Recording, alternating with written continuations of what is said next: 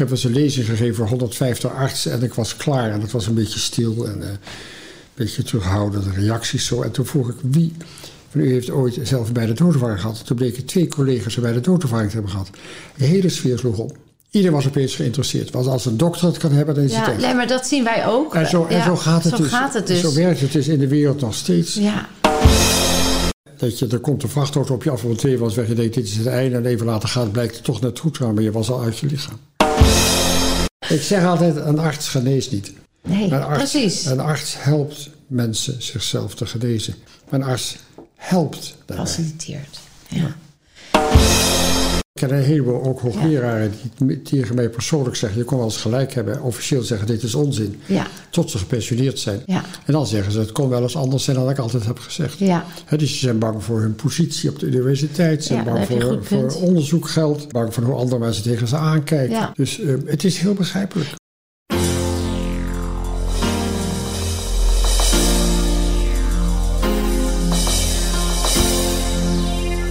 Welkom. Dit is de podcast To Master Your Life nummer 192. Een dieptegesprek met Pim van Lommel over een eindeloos bewustzijn. Mijn naam is Vilna van Betten en ik heb er super veel zin in. Ja, hallo lieve dames en mensen. Ik ehm, mag vandaag een prachtig interview doen met niemand minder dan de heer Pim van Lommel. Welkom. Eh, ik ben ongelooflijk geïntegreerd door uw boek. Eh, ik zeg u, maar ik mag je zeggen. Eindeloos bewustzijn. Ehm, het raakte me al toen mijn, mijn schoonmoeder jaren geleden in een hospice lag. kwam ik het boek tegen. Voor nabestaanden ook, en voor eh, de verpleging. En toen ben ik er al helemaal ingedoken. En door mijn werk heb ik er ook veel mee te maken. En het was echt een we- wens om het eh, met jou eh, een gesprek te voeren. En die, eh, die bijna doodervaring, want daar gaat het over, nog eens nader onder de loep te nemen. En wat ik zo mooi vind aan het hele verhaal, het is heel veel mooi, maar je bent cardioloog geweest bij het Rijnstaten ziekenhuis volgens mij. Ehm, en daar gebeurde er zo vaak dat, dat er verhalen waren die, als je klinisch doodverklaard was, eigenlijk volgens de medische wetenschap die toen gold, niet zouden kunnen. En in plaats van dat een beetje weg te moffelen als, nou ja, dat zal wel toevallig zijn, of door de morfine, of er waren nog meer verklaringsmodellen, hè, bijwerkingen werkingen van de medicijnen, zuurstoftekort, aanstellerij. ja neurotransmitters, eh, hallucinaties, al dat soort dingen. Ja, Eh, Is, ik moet nog even naar hier hoor, maar toen heb je gezegd, daar ga ik, daar ga ik eens wat verder induiken. Want dit kan geen toeval meer zijn. Nou, de, de, het was wetenschappelijke nieuwsgierigheid. Als je die verhalen hoort van die mensen met een bijna doodervaring, als ze klinisch dood zijn geweest, dus als ze zeg maar, bewusteloos waren door het wegvallen van de ademhaling en de bloedsomloop, dan wisten we bij definitie dat je geen bewustzijn kan ervaren.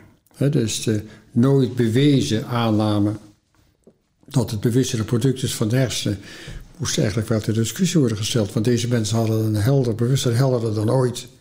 Met herinneringen tot aan de vroegste jeugd, met eh, eh, waarnemen, eh, emoties, gedachten, herinneringen. En dat kon allemaal niet. Nee, maar dan zeg je toch al wat. Want je zegt, er Ja. was dus een aanname Ja, dat er geen bewustzijn kon bestaan. En dat was gewoon een waarheid geworden. dat is wat jij hebt geleerd op school en wat ik heb geleerd op school, wat we leren op de universiteit. En nog steeds de meerderheid van de wetenschappers denken dat, de hers, dat eh, het bewustzijn een product is van de hersenen. Dat betekent als de hersenen uitvallen, als je bewusteloos bent, dan moet het onmogelijk zijn dat je een bewustzijn kan ervaren. Ja, Dat is eh, nog steeds gangbaar wat wordt geleerd op scholen, op universiteiten. nog steeds hè. steeds. Ja, en, en je schrijft ook ergens in het boek, moet ik even ergens onderaan over die wetenschap. Want dat vond ik zo ongelooflijk. eh, Mijn definitie van wetenschap ja. is vragen stellen met een open geest. ja, Dat zocht je dat citaat. Ja, dat citaat. Want dat was wat mij, zo, wat mij zo raakt ook in wat wij doen. Dat alles wat complementair is aan de huidige medische benadering... wordt vaak weggezet als kwakzalverij... of eh, eh, dat het allemaal maar zweverig is en noem het maar. Terwijl daar ook hele mooie resultaten worden bereikt. En ehm, Maar de, essentie van mijn definitie van wetenschap is vergeet wat je hebt geleerd. Vergeet het dogma en kijk wat je ziet. En kijk of je dat kan begrijpen. Ja, ja en, dan, vul- en dan vul je dat nog aan met die citaat over sceptische mensen zijn per definitie eh, vastzittend of zoiets. Ik, moet, ik zou zeggen, ik heb heel veel aantekeningen gemaakt, maar daar, die moet je helemaal niet willen overtuigen, want die staan dus ook niet open. Nee, ik probeer nooit mensen te overtuigen. Nee. Ook niet eh, met het onderzoek naar bij de doodervaringen. Het is aan hun wat ze ermee willen. Nee, want eh, al die ervaringen, dus die aanname, bewustzijn, eh, dat is alleen als ze, als ze wakker zijn, is gebonden aan de hersenen. Nou, je ontdekte dat dat dus misschien helemaal niet waar kon zijn. Dan kan ik me voorstellen dat het een paradigma shift is. Dat je in eerste instantie nog denkt, nou, word ik nou gek? Of ben ik nou de enige die dit waarneemt? Maar dat heeft uiteindelijk wel geresulteerd naar het starten van een onderzoek in 1988. Ja. Het, het eh, is de eerste keer dat ik zo'n verhaal hoorde was in 69 tijdens mijn opleidingsziekenhuis. Toen waren net de eerste hartbewakersafdelingen opgericht. Omdat de moderne reanimatie mogelijk was geworden. Dus defibrillatie, stroopstoot op het hart. Ja, En uitwendige hartmassage was mogelijk geworden. En dat was de reden om, hart, om op te richten. Eerst was er een 68, begin 69. Tot 67 stierf alle patiënten met een hartstilstand. Want de reanimatie bestond niet. Dat zijn we wel eens vergeten. En toen eh, was ik net als zeer jonge arts, eh, was er een succesvolle reanimatie. Na een paar keer jonge patiënten hebben gereanimeerd, eh, gedefibrilleerd waren we erg tevreden toen hij weer bij bewustzijn kwam. We waren uitermate tevreden. Ik was de dienstdoende arts. Maar de patiënt was heel erg teleurgesteld. Hij zei iets over kleuren, over licht, over landschap en over muziek. Ik zeg altijd, ik ben het nooit vergeten. Ik heb er nooit wat mee gedaan. Ik was het begin van mijn opleiding. Ik had een jong gezin. Eh, ik had er nooit van gehoord. Het woord bij de doodervaring bestond helemaal. Die is pas in 75 door een boek van Raymond Moody. Life After Life gekomen. Dat had ik ook niet gelezen. Nee, en daar noemen ze het een nearby death experience, hè? Eh, nou, ja, het is... eh, Nabij doodervaring. ja, het is... Near-death experience is vertaald als na, eh, bijna doodervaring. Maar tegenwoordig is de voer ik eigenlijk nabij de doodervaring. Want Ja. bijna dood ben je niet, maar nabij de dood wel. Maar het, het is zo ingeburgerd, bijna dood, dat ik het nog steeds gebruik, ook in mijn boek. Maar ja. nabij de dood is veel beter. Ja, die, die Maar toen las ik in eh 86 een boek van George Ritchie. Terugkeer uit de dood, Return from Tomorrow. Waarin hij eh, vertelt hoe hij in 1943 als medisch student overleed. Aan een dubbele longontsteking. Er waren geen antibiotica voor medisch studenten, dus hij overleed. Het- Zijn lichaam werd toegedekt met een laken. En de verpleegkundige was zo upset dat deze medisch student was overleden... dat hij dienstdoende arts wist te overtuigen om die deze dode student een injectie van adrenaline rechtstreeks in zijn hart te geven, wat volstrekt ongebruikelijk was. En na negen minuten dood kwam hij bij. Hij heeft een zeer uitgebreide bij de doodervaring gehad. Ja. Zeer indrukwekkend, zeer veel aspecten van de klassieke bij de doodervaring. En dat was het moment dat ik eigenlijk ben gaan informeren bij patiënten die een hartstilstand hadden, hadden overleefd, of zich iets konden herinneren van een periode van hartstilstand in 86. Want wat is dan de vraag die je stelt? Want dat lijkt me Eén ook vraag.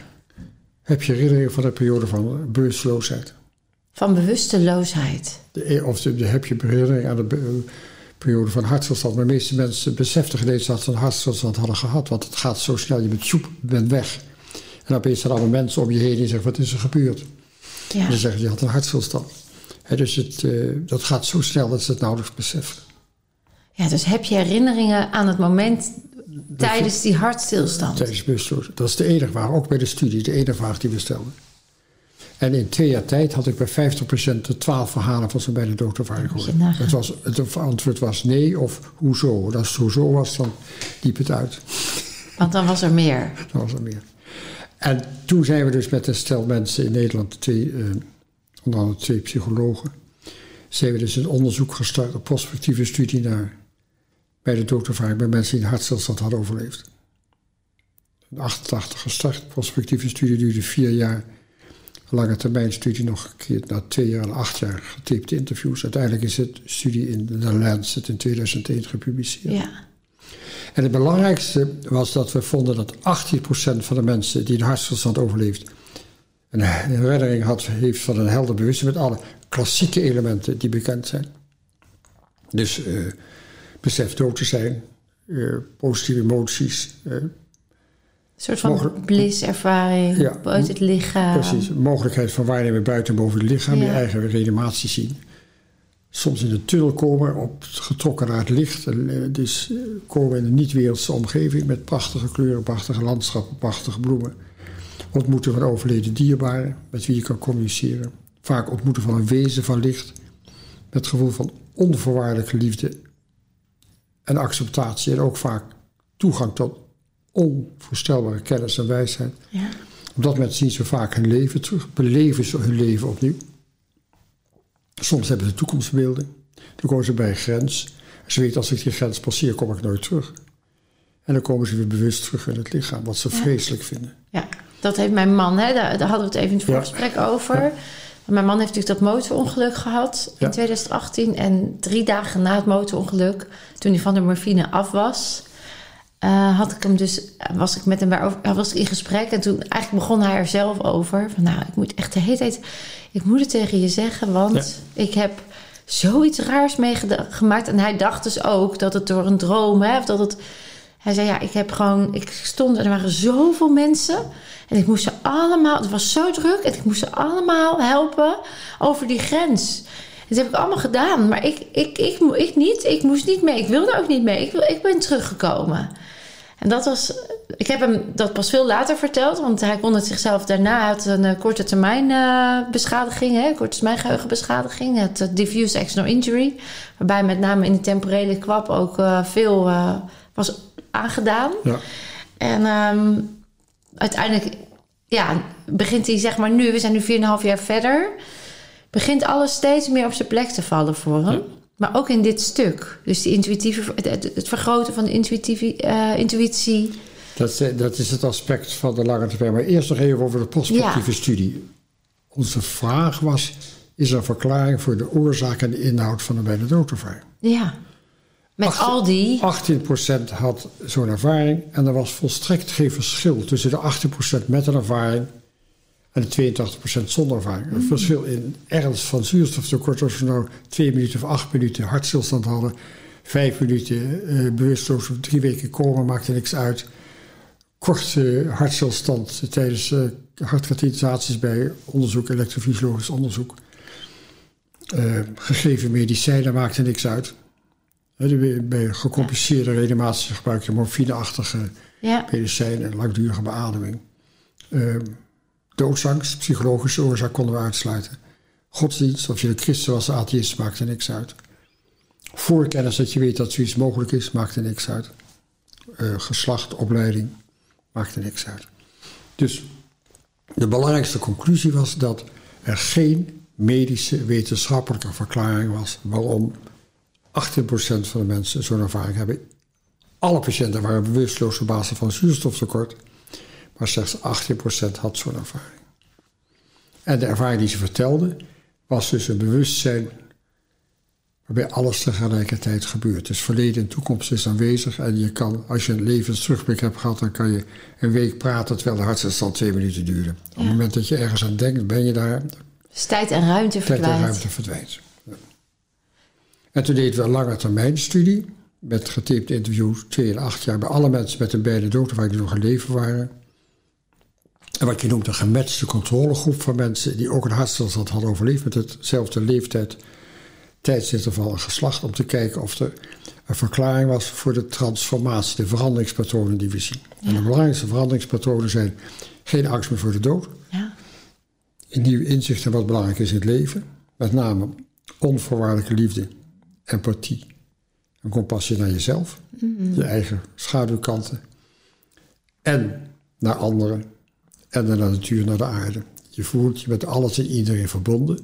Vandaar dat het ook een eenheidservaring wordt genoemd. En het derde aspect is verhoogde intuïtieve gevoeligheid. Dat je Ja. dingen weet die je niet kan weten. En alsof je je ook niet meer druk kan maken om eh, het aardse gedoe. Laten we zo zeggen, de uiterlijke wereld wordt minder belangrijk. Ja. En, eh, en wat we vonden is dat alleen mensen met een bijna doodervaring hadden deze klassieke transformatie. Ja. En dat is een objectief aspect van de subjectieve ervaring. Want een subjectieve ervaring bij de doodervaring kan je niet bewijzen. Maar je kan wel bewijzen dat er een transformatie Wat de transformatie heeft gedaan. En wat het, heeft, wat het heeft voor resultaten heeft gehad. Ja, ja. En die mensen die. eh, dit zijn nog de. Want we hadden net al even samen. i- inmiddels 45 miljoen mensen wereldwijd. Ja waarschijnlijk zoiets. die zich gemeld hebben. Hè? Want Nou ja, die uit verschillende onderzoekingen weten dat ongeveer 4 tot 5 procent van de mensen in de, west, in de westelijke wereld bijna doodervaring moet hebben gehad. En dat houdt in zo'n 600.000 mensen in, eh, in Nederland, zo'n 20, 25 miljoen mensen in Europa. Amerika en dan de andere landen ook. Ze zijn, dezelfde ervaringen zijn ook gemeld in Australië, in China, in Japan, overal. En zijn dat dan meldingen altijd in het ziekenhuis? Dus altijd mensen verbonden zijn aan een ongeluk of een hartstilstand of dat soort zaken? Of zijn het ook mensen die thuis op de bank hebben liggen mediteren en zeggen: Nou, wat me nu is overkomen? Wetenschappelijk onderzoek is gebaseerd op onderzoek bij mensen met een bijna doodervaring. En waarom is dat belangrijk? Omdat we weten dat in zo'n geval, bij een hartstilstand, de hersenfunctie binnen 10 tot 20 seconden is uitgevallen. En dan zou het dus onmogelijk moeten zijn Ja. om een verruimde ervaring te Dus dat was dan, dan, dan kon je Dat hem linken aan, de klinische, aspect. aan dat stuk waarvan ze Ja, zeiden en dat bewustzijn. geldt Ja. ook voor mensen in coma, door verkeersongelukken, hersenbloedingen, beroertes. eh, heftig bloedverlies bij gecompliceerde eh, bevallingen bij jonge vrouwen. Bij de verdrinking bij kinderen. Dat zijn dus echt medische kritieke situaties. Maar je kan het ook hebben bij eh, ernstige koortsende ziekte zonder dat het direct levensbedreigend is. Je kan het hebben bij eh, doodsangst, dreigend verkeersongeluk, ongelukken in de bergsport. Dat je even het- boven jezelf uitstijgt in dat Dat je- moment. ja, dat je, er komt een vrachtauto op je af van twee was weg. Je denkt, dit is het einde. En even later gaat, blijkt het toch net goed te gaan. Maar je was al uit je lichaam. Wauw. Ehm ernstige depressie of existentiële crisis. Dat je vastloopt in je leven. Meditatie. Isolatie. eh, schipbreukelingen. eh, astronauten, Glenn en Mitchell hadden dat in de, in de, in de capsule. Oh, echt? Maar ook wandelen in de natuur zonder duidelijke aanleiding. Kan je deze ervaring hebben. Dus je hoeft geen uitval van alle hersenfuncties te hebben om zo'n ervaring te hebben. En ook dit soort ervaringen van verruimd bewustzijn kan ook zijn in de stervensfase. Het heet levenseинdervaring of sterfensvisioenen. Alleen voor wetenschappelijk onderzoek is het belangrijk om het onderzoek te doen naar mensen met een hartstilstand, omdat je dan weet, Klinisch dood. Hè? Ja. Vanuit de boeken zou deze nu dan, niet. dan, dan moet het onmogelijk zijn om die ervaring te hebben. Maar dat is natuurlijk een waanzinnige uitkomst. Waarbij je zegt dat zet de medische wereld op zijn kop. Is dat gebeurd? Nou, weinig. Eh, we zitten zo vast in ons materialistische dogma hè, dat eh, eh, de meeste mensen zijn niet in staat om tot een veranderd inzicht over te gaan. Ik ken een heleboel artsen die een bijna doodervaring hadden en zeiden wat nu is met mij is gebeurd, heb ik altijd gezegd, is onmogelijk. Ja. En die veranderen allemaal. ja. dan is er geen twijfel meer. Ik heb eens een lezing gegeven voor 150 artsen en ik was klaar. En het was een beetje stil en eh, een beetje terughoudende reacties zo. En toen vroeg ik wie u heeft ooit zelf bij de doodervaring gehad. Toen bleken twee collega's bij de doodervaring te hebben gehad. De hele sfeer sloeg op. Iedereen was opeens geïnteresseerd. Want als een dokter het kan hebben, dan is ja, het echt. nee, maar dat zien wij ook. En zo, en Ja, zo gaat het zo dus. Gaat het dus. Zo werkt het dus in de wereld nog steeds. Ja, Ehm, eerst zien, dan geloven.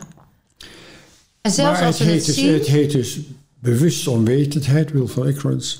Mhm. En vooroordeel waarom de mensen zich niet in verdiepen. Ja, En waarom de meeste artsen nog nooit een verhaal van een bij de doodervang hebben gehoord, omdat ze niet voor over durven of willen vragen. nee. Hè, dus dat is al, maar de jongere generatie is veel meer open, weet Ja. er meer van. En die horen of meer verhalen dan de oudere Ja. generatie. En ik geloof ook wel dat al die kleine ervaringjes uiteindelijk gaan bijdragen in die paradigma shift. Hè. Dus soms gaat het heel langzaam. Maar toen Maurice het ongeluk had gehad en de neurochirurg naar mij toe kwam, omdat ze zag dat wij iets anders deden dan wat zij deden, eh, zei ze: ja, Ik weet niet wat je doet, maar het werkt. Ehm, toen ging ze, vroeg ze me dus wel om uitleg. En toen zei ze ook: Goh, wat zijn we eigenlijk nog onwetend? Waarbij ik zei: Nou, jullie weten ook heel veel, maar er is ook nog een ander domein. En als je dat samenvoegt, weten we nog meer.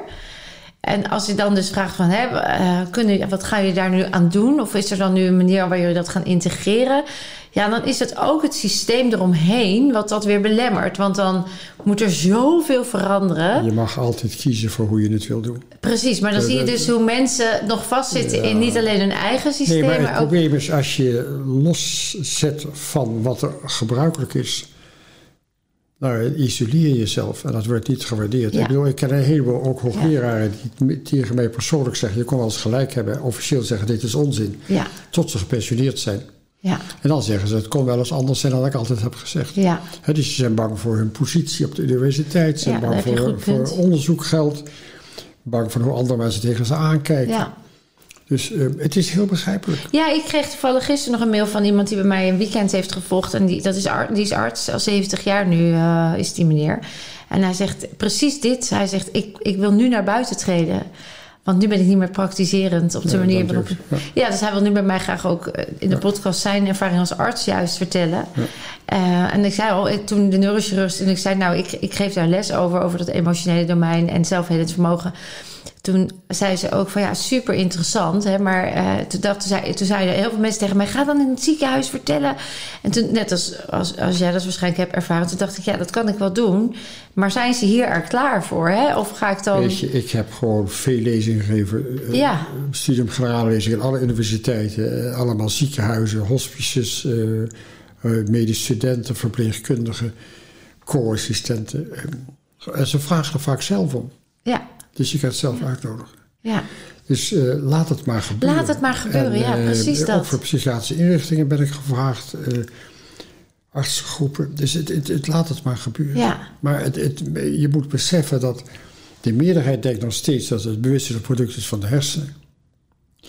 Een ander aspect wat jij vertelt is dat wij ook weten dat het zelfhelend vermogen aan bij de doodervaring enorm toeneemt. Hè? Dus Ja.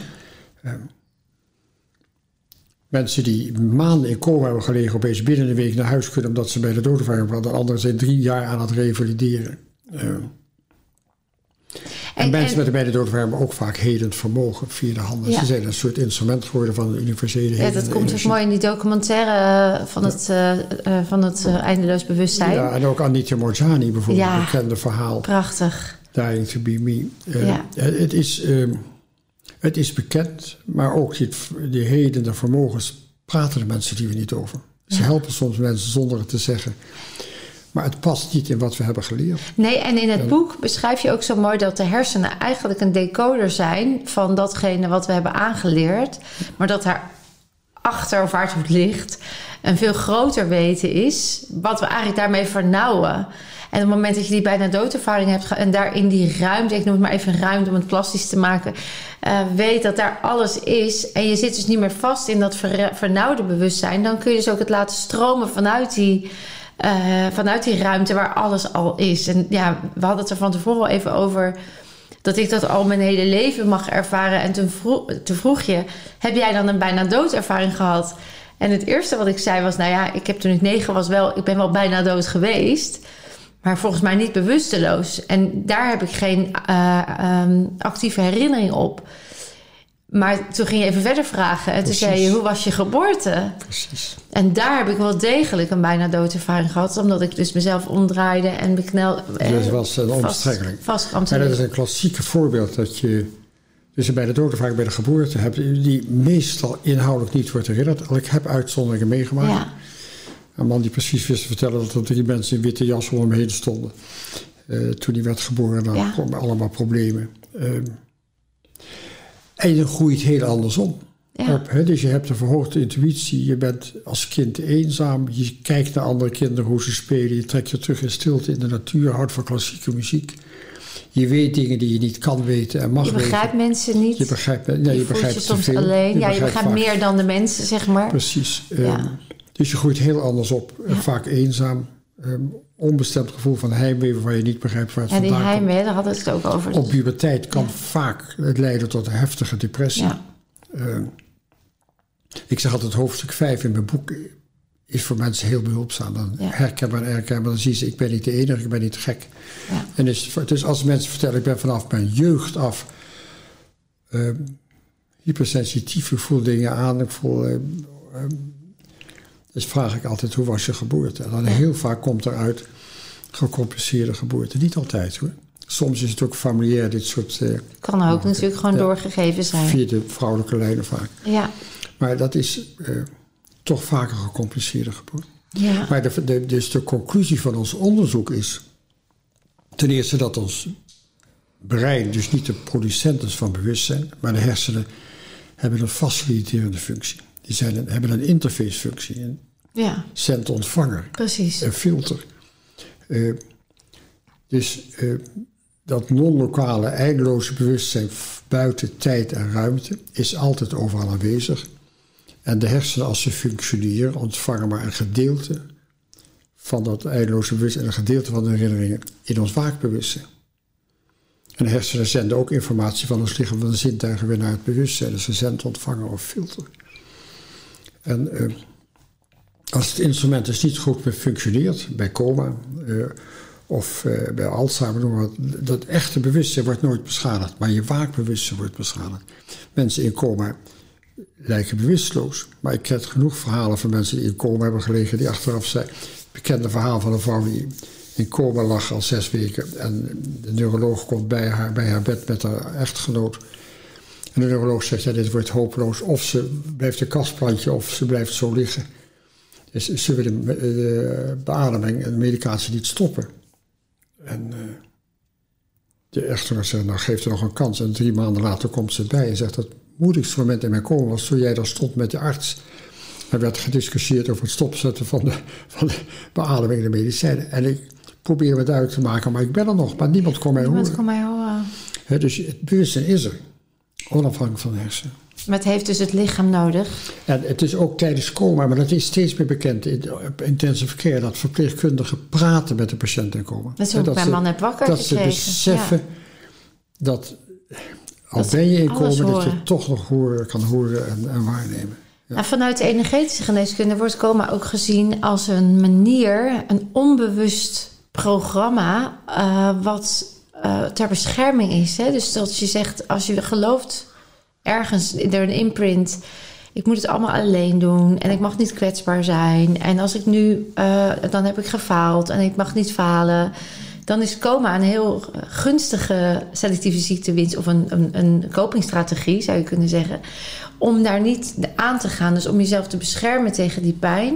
En dat doe je natuurlijk niet bewust. Dat is een soort copingstrategie die dan helpt om jezelf te laten verdwijnen. En als je dat weet, dan kan je dat herkennen, erkennen. En als je dat dan zegt tegen eengene die in coma ligt, dus niet een patiënt, want dat vind ik dan ook niet een goede benaming, maar iemand die dus even in een ander bewustzijn zit. En je nodigt diegene uit, dat heb ik ook bij mijn man gedaan. Dus ik heb hem heel erg herkend in zijn patronen. Want ik snap dat jij nu een waanzinnige uitdaging vindt om hier weer überhaupt te komen. Want je wil het allemaal alleen doen. Je mag niet falen, je mag niet kwetsbaar zijn. Je kan geen goede vader zijn als je kwetsbaar bent. En terwijl dit juist je wake-up call is... en je nu laat zien dat kwetsbaarheid je kracht is... als je nu enzovoort echt met hypnotisch taal gebruikt... kracht van taal, de, frequentie van taal... hem echt bijna een inductie... het is een inductie gegeven om hem zelf te laten kiezen... maar ondertussen wel hem te herkennen, erkennen... En ernaar te kunnen laten handelen, zodat hij dan weer wakker kon worden. En hij koos vanuit dat stuk wel om terug te. Ik zeg altijd, hij heeft gekozen. Dat lukt niet altijd. Nee. Nou, dat weet ik. Ik heb die Nee, nee, ervaring. ik bedoel, ik wilde maar dat geloof ik, dat Ja, het niet altijd. Omdat mensen dan misschien niet En, willen, en ook kunnen. muziek helpen of lievelingsmuziek draaien helpt ook vaak heel Ja. goed om mensen terug te laten komen. Ja, Maar het is geen eh, vaste regel, maar het is een mogelijkheid. nee. En dat zeg ik ook, want een mens is altijd uniek en heeft maatwerk. Je en kan- er liggen je zoveel nooit onbewuste. voorspellen. Nee, dat is ook met maar nog wat heling over zo. artsen. Ik heb twaalf jaar lesgegeven aan tweedejaars medische studenten over dit onderwerp. Ik, heb, ik geef les voor de Academy of Integrative Medicine. Ook dit jaar weer, vorig jaar ook, het jaar daarvoor ook. Dus artsen die verder willen kijken dan alleen de materialistische wetenschap. Fantastisch. Dus eh, er is genoeg interesse eh, en dat verandert ook. Eh, en wat je noemt de paradigmaverschuiving is, als er dus in de wetenschap eh, feiten worden gevonden die niet passen in dat huidige materialistische Denken. denken, dan zeg je, oh, het kan niet. Nee. Of je zegt, we moeten ons paradigma veranderen. Ja. Sorry. Ja. En dat is wat er nu gebeurt. Dat heet dus het postmaterialistische wetenschap dat je subjectieve ervaringen includeert. Mooi, en dat is zo nodig. Ja. En ik geloof echt dat dat in die shift, hè, al gaat het in stapjes, elk, elk zaadje, elk idee is er één dat kan uitgroeien tot een grotere plant of een, een boom die dan weer stevig staat. Want wat zou het opleveren als we deze kennis, want dit onderzoek eh, van jou, Pim, is, is, is inmiddels wereldberoemd. Het boek is in elf talen uh, vertaald. Uh, de 29ste druk had je het net over. Fantastisch. Wat zou dat Stel dat dit geïntegreerd wordt in de benadering die er nu is op, in, de, op het, in de westerse medische wetenschap. Wat zou dat kunnen opleveren? Wat zou dat kunnen bijdragen? Het verandert. Het, gaat zeker de goede kant op, dus ik ben een optimist. Ja. Mijn boek wordt zelfs in middelbare scholen gebruikt en bestudeerd. En oh, wat goed, als, als op de boekenlijst. Bij mijn kleinzoon. Oh, echt? Ja, dat was op de, de bovenbouw van de vrije school. De vierde klas werd mijn boek besproken. Maar mijn kleinzoon is van mijn dochter, dus heeft een andere achternaam. Die zei op een het is van mijn opa. Ah, dat is toch ook wel echt geweldig. Dus, Bijna bescheiden. En, en ook op mijn oude gymnasium in Hilversum wordt het ook in de vierde, vijfde klas. Ja, dus uh, niet alleen op vrije scholen. Nee, nee, ook het gymnasium. Met de antroposofische gedachtegoeden. Die, ja, dus uh, het, het gebeurt, het komt. Ja. Uh, ik heb lezingen gegeven ook voor middelbare scholen. maar je moet het niet forceren, nee. je kan het niet forceren. Nee.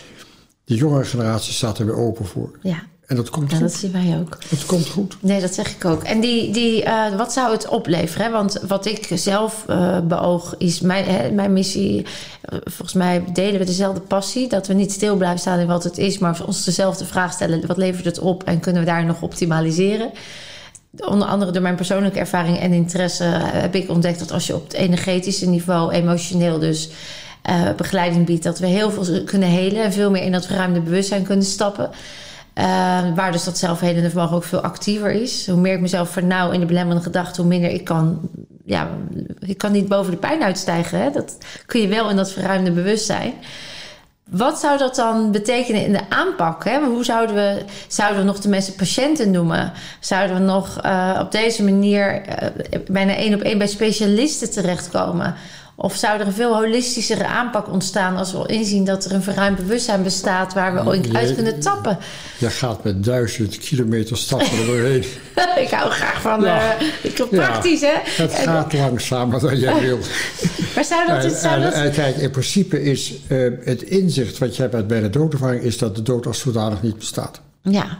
He, de dood is het einde van je lichaam, maar niet van je bewustzijn. Dat is de continuïteit ja. van het bewustzijn. Dat betekent... Een heleboel mensen leven in doodsangst. En dat geeft levensangst. Ja. Dus als je geen doodsangst meer hebt, heb je ook meer geen angst voor te leven. Te leven. Als je gaat beseffen dat alles met elkaar samenhangt, dat alles wat je de ander aandoet, doet gewoon bij jezelf. Dat de intentie met wie je leeft de essentie is. Als je iemand helpt om aardig gevonden te worden, of iemand helpt om te helpen, zijn twee volstrekt verschillende energieën. Dus het, het gaat om dat soort inzicht. En dat komt gewoon ja. Um, zeg het nog eens, Pim, want je zegt alles wat je, wat je geeft, krijg je terug. En andersom, ik had dat vanmorgen... Ja, alles wat, je, alles wat je de ander aandoet in positief en negatief opzicht, komt bij jou terug. In, in het levensterugblik. karmisch. Zie je precies wanneer je liefde hebt gegeven of liefde hebt onthouden. Uh, in dat, dat levensoverzicht van die bijna doodervaring ja, wordt dat teruggegeven. Je krijgt alles, je, je leeft opnieuw in combinatie met het contact met bewustzijn van anderen die bij die ervaring betrokken. Ik bedoel, als je het speelgoed van een zusje van zes hebt afgenomen, dan voel je het verdriet van je zusje. Je weet hoe het verdrietig ze was. Dus eigenlijk word je even observant. In mijn methodiek worden we observant van ons leven. Ja. En dat het is een dat inzicht. Is, ja, dat is terugblik is een levensinzicht. Wat is het effect van wat je zegt, wat je doet en wat je denkt? Elke gedachte is energie en blijft eeuwig bestaan. En als je die consequentie gaat beseffen.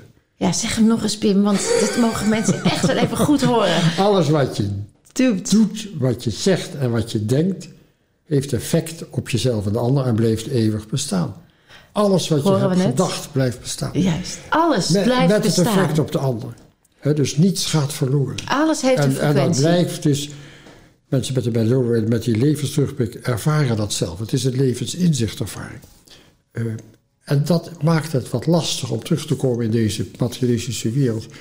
Want dat wordt niet altijd begrepen. Toch, Pim, vind ik zo fijn dat je dit even zegt. Want ik weet als klein meisje, maar dat zou dus kunnen komen omdat ik al onbewust die bijna doodervaring heb gehad.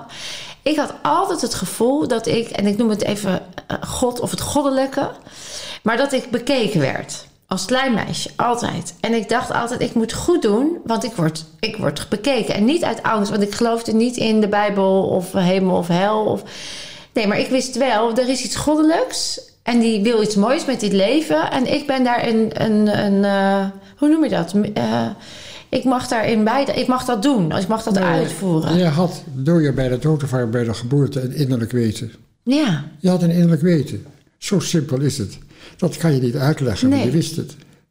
Ja, het raakt me echt. Het emotioneert me als je het ja, zo... het is een innerlijk weten. En, en, uh, en als kind is dat lastig hanteren, maar ook als een volwassen is het lastig hanteren. Want, want de omgeving begrijpt dat vaak niet. Nee, ik voel het ook als erkenning als je dit zo ja, tegen me zegt. De, de omgeving herkent ja. het vaak niet. En, uh, nee.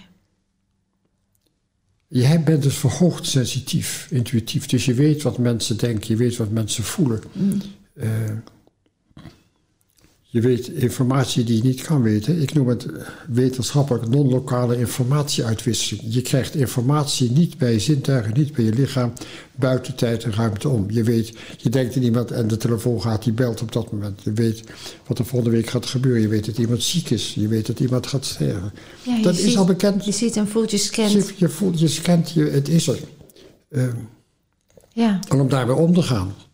En om dat voor jezelf te houden. Dat je niet alles gaat uitflappen. Want de mensen worden ontzettend angstig als je er alles uitflapt wat ja. je ziet. Ja, dat is ook wel afgestomd. Geeft, geeft een enorme verantwoordelijkheid. Mm. Uh, en ook wel onzekerheid.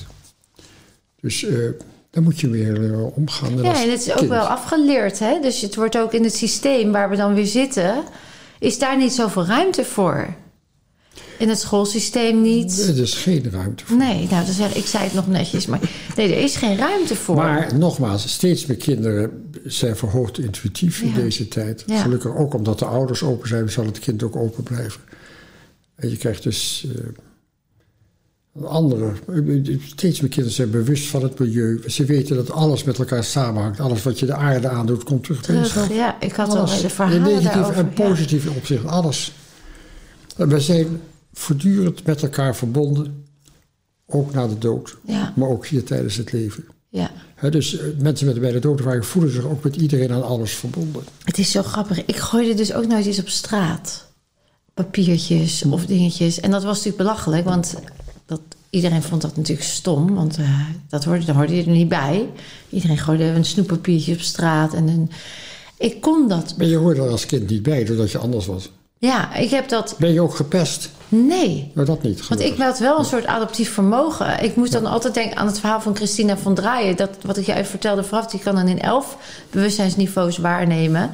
Ik dacht ook altijd, nou ja, ik, ik pas me wel op die manier aan dat het Ja. nog goed voelt. Maar ik begreep het heel vaak niet. Ik stelde dus ook hele rare vragen aan mensen. Maar op de een of andere manier oonde ik het wel. Ik heb niet dat ik gepest ben geweest. En ik heb ook niet die depressieve gevoelens gehad, Nee. gelukkig. Het kan wel. Ja. Ja, het kan wel. Ik, en ik ken ook mensen die dat wel hebben gehad. Maar het was wel. eh, ik vond wel. Ik, ik ervaarde de wereld wel als vreemd. En ik, nu ik er steeds meer. Hè, door mijn werk en alles wat ik doe. omarm ik het. Eh, en zie ik het ook steeds meer. Eh, en mag ik het zelfs gebruiken in mijn werk. Ik, kan, ik, ik voel me altijd een, geblest dat ik dingen mag doorgeven. Je bent een instrument. Ik ben een instrument, zo voelt het ook letterlijk. En ik heb, wat ik je vertelde, wel als jong meisje eh, heel lang dus wel doodsangst gehad. Dus ondanks mijn bijna doodervaring...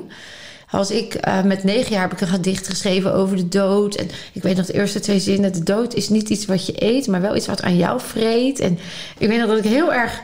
En dan kwam ik huilend naar beneden en zei ik... Mama, mama, ik wil, ik wil nooit meer doodgaan. Ik zei nooit meer. Dat waren voor mij woorden die... die ehm, ja, Maar nooit... het kind zegt niet nooit meer doodgaan. Nee, ik zei dat. Dus ik dat nu denk, ja, dat waren natuurlijk al. Ik wilde gewoon niet meer dat meemaken wat ik waarschijnlijk Precies. toen heb meegemaakt. En in, in je boek schrijf je ook over ehm, mensen die eh, een helle ervaring hebben. En dan is het Ik een... noem dat een negatieve of angstwekkende ervaring. Ja, hè? Is, is- ja, ik had iets van een helle Een ervaring. helle ervaring is niet zo'n mooie term. Nee, precies. Frightening near-death experiences. Dus de angstervaring. En, en mensen met een positieve ervaring... in 50% van de gevallen kunnen ze een angstig moment hebben... in een donkere ruimte. Ja, dan is het angstig. En dan zien ze een lichtpuntje waar ze naartoe getrokken worden. Dat heet dan een, een, dat beschrijven als een, als een, een eh, tunnel. Ja. Maar die verblijven die donkere ruimte kan angstig zijn. En sommige mensen blijven in die donkere ruimte of zakken zelfs naar beneden. Met ervaringen die te vergelijken zijn wat eh, Dante beschrijft in de, in de goddelijke komedie.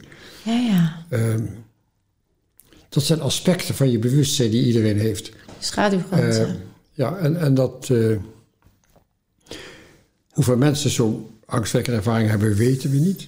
Want ze, mensen met een positieve ervaring praten er al niet over. En met een negatieve ervaring helemaal niet. Met schuldgevoelens. Maar Ik heb een paar mensen uitvoerig gesproken met bijna doodervaring die angstwekkend was. Eh, uiteindelijk, als je erover kan praten, kan je het verwerken. En heeft het ook uiteindelijk een positieve transformatie. Maar het is veel, nog veel harder werken dan naar een positieve Ja, want dat is ook waar, wat eigenlijk waar heel al mijn events ook over gaan. Dat alles wat energie is, dus ook emotie is, emoverre, energie in beweging. Dat slaat zich op in jouw celgeheugen. Die ervaring zit in jou als een trilling. En dat, dat maakt ook of je wat lagere gedachten hebt, met lagere trillinggedachten uit, of juist wat hogere trillingsgedachten. En omdat we niet meer bewust mogen zijn van het systeem. Van wat we, hoe we trillen eigenlijk. Hè? Dat leren we niet. We leren niet onze frequenties. We leren niet voelen aan ons lichaam. We leren niet wat vertelt mijn lichaam me eigenlijk. Waar wordt wat opgeslagen. Het wordt niet in je lichaam opgeslagen. Nou ja, het, het resoneert er doorheen. Maar soms Het- blijft het... Elke cel is een interface met aspecten van het bewustzijn. Exact. Dus, dus eh, elke lichaam, niet alleen je hoofd, eh, niet je hersenen, maar ook je hart en de rest van je lichaam. Elk orgaan, elke cel heeft een interfacefunctie met een. Dat is dus het ander- trilt ja. mee afhankelijk van frequenties. Dank je, want dat wil ik eigenlijk zeggen. Het, zit niet in je lichaam. het zit niet vast. Maar even voor de metafoor. Hè, blijven dus ook resonanties die wat lager in, het, in die interface. Want dat zien we ook bij eh, hartdonaties. Hè, die dan mensen die een hart van een ander krijgen.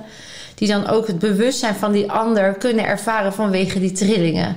Heeft een Ja, andere... het is, laten we zo zeggen dat eh, een hart, een, een transplantatie van een orgaan is een transplantatie van een levend orgaan. Mooi, ja. Hè, dus eh, een, een, een hersendode patiënt is niet dood, maar die is hersendood. En dan de wet praat over het stoffelijk overschot, maar ze zijn niet dood. En de wet spreekt over het beademen van het stoffelijk overschot, maar dat kan je niet. Nee. Je hebt 3% van het lichaam is onherstelbaar beschadigd. Dat zijn de hersenen. En 97% is levend en wordt levend gehouden. Ja. En als je dan zo'n orgaan transplanteert... is het nog steeds een ontvangsapparaat... voor aspecten van het bewustzijn van de overleden donor. Ja. In Amerika kan je na vijf jaar weten wie de donor is. En dan kom je erachter dat er karaktertrekken kunnen overeenkomen. Ja. In Nederland, bijna alle landen, is het onbekend. Eh, dan zou je dat nooit kunnen vergelijken. Maar er zijn mensen ook in Nederland die veranderd, zich veranderd voelen. Met name een hart-longtransplantatie, maar ook wel een lever. En zelfs als uitzondering bij Ja. niertransplantaties. Dus je krijgt... Het probleem is dat die overleden donor nog steeds vastzit aan het lichaam van de Ja, ander. nou zo bedoel ik met vastzitten. Hè? Dat, la- ja. En dan zien we dus dat als we dat bewust worden, niet door ons mede te identificeren, maar juist te detachen.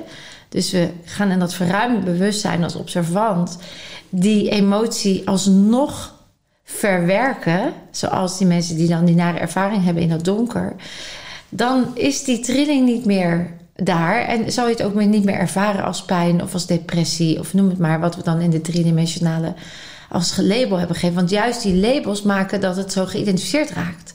In mijn, ik, mijn pleidooi is ook dat we stoppen met het labelen, omdat daar zoveel nocebo-effect op zit en zoveel waarheden en paradigma's op liggen, die soms juist heel erg vernauwend werken op je bewustzijn en waardoor je niet in die heling kan stappen. En dat zijn allemaal eh, aspecten die meespelen, ook in heling. En als we daar meer eh, ja, onszelf in zouden gunnen om ons te detachen van die werkelijkheid. En te zien, oh, maar ik ben onderdeel van een groter geheel. En ik mag in dit lichaam gewoon zijn. En straks ben ik misschien in een andere werkelijkheid. Dan zou, en daarmee dus de vergankelijkheid aanvaarden. Dan zouden zoveel mensen zoveel vrijer leven. Want dat Want is, dat die- is dus die levensangst Ja, die er voorbij is. Hè? Dus, precies. als je beseft dat je lichaam hebt Wat opgewonden afsterven, maar wie je bent, je bewustzijn, is eeuwig. Zonder begin en Ja, dat, en dat is zo mooi wat Maarten Overzier er ook over zegt in zijn boek Bestaansrecht. Dat hij, ehm, maar wat ik ook merk in onze events is dat eh in onafgemaakte dood, hè, zeker vroeger toen we bang werden gemaakt voor de hemel en de hel bijvoorbeeld, of eh, in loopgraven, je, je was trots als je mocht vechten voor je land en je neemt afscheid van je verloofde. Je zegt maar ik kom terug, ik kom terug, ik beloof je dat. En je loopt in de loopgraven, er komt een granaataanval en je, je overlijdt. Maar je hele bewustzijn vecht tegen het overlijden, omdat je belofte anders niet na kunt komen. Dan blijft er dus nog een deel, hè, dat noemt Maarten Overzier dan een zielverstrikking. Die, gaat dat nog, die moet dat nog afmaken. Die heeft dat nog niet doorlopen, die trilling nog niet naar een hogere frequentie kunnen brengen. En dan zien we dus soms ehm, dat dat weer doorgaat in andere bijna doodervaringen. Dus de reden dat ik misschien toen ik negen was nog een keer een bijna doodervaring heb gehad en in ehm, eh, in de althans bijna dood ben geweest, niet de ervaring, maar ook in de baarmoeder. Hè, dus echt al, eh, ja, dat zou dus als we terugkijken in het verruimde bewustzijn, en voor mij is 1 en 1 2, een onafgemaakte eerdere ervaring zijn geweest die ik in dit leven dan opnieuw mag verwerken. Hoeft helemaal niet. Nee, dat zou kunnen, zei ik erbij. weet je, het, het is zo dat eh, bij die acute dood, traumatische dood, zoals bij soldaten, is vaak niet het besef dat ze dood zijn. Nou, dat, dat zei ik, ja. Ze, ze beseffen niet dat ze dood zijn. Ja. Eh, en dan kunnen ze niet door. Nou, dat En is, zijn, en dan, dat is de samenvatting. Zo kun je het ook zeggen. Dat is de en dan kunnen ze samenvatting die ik niet naar die hoge frequenties. Juist. Nee, en dat is gewoon door dat ze niet beseffen dat ze, dat ze geen lichaam hebben. Exact. Maar ze, zijn wel in die, ze blijven dus in die aardse sfeer hangen. Dat is toch mega interessant, Pim? Dan blijft dat in de aardse sfeer hangen.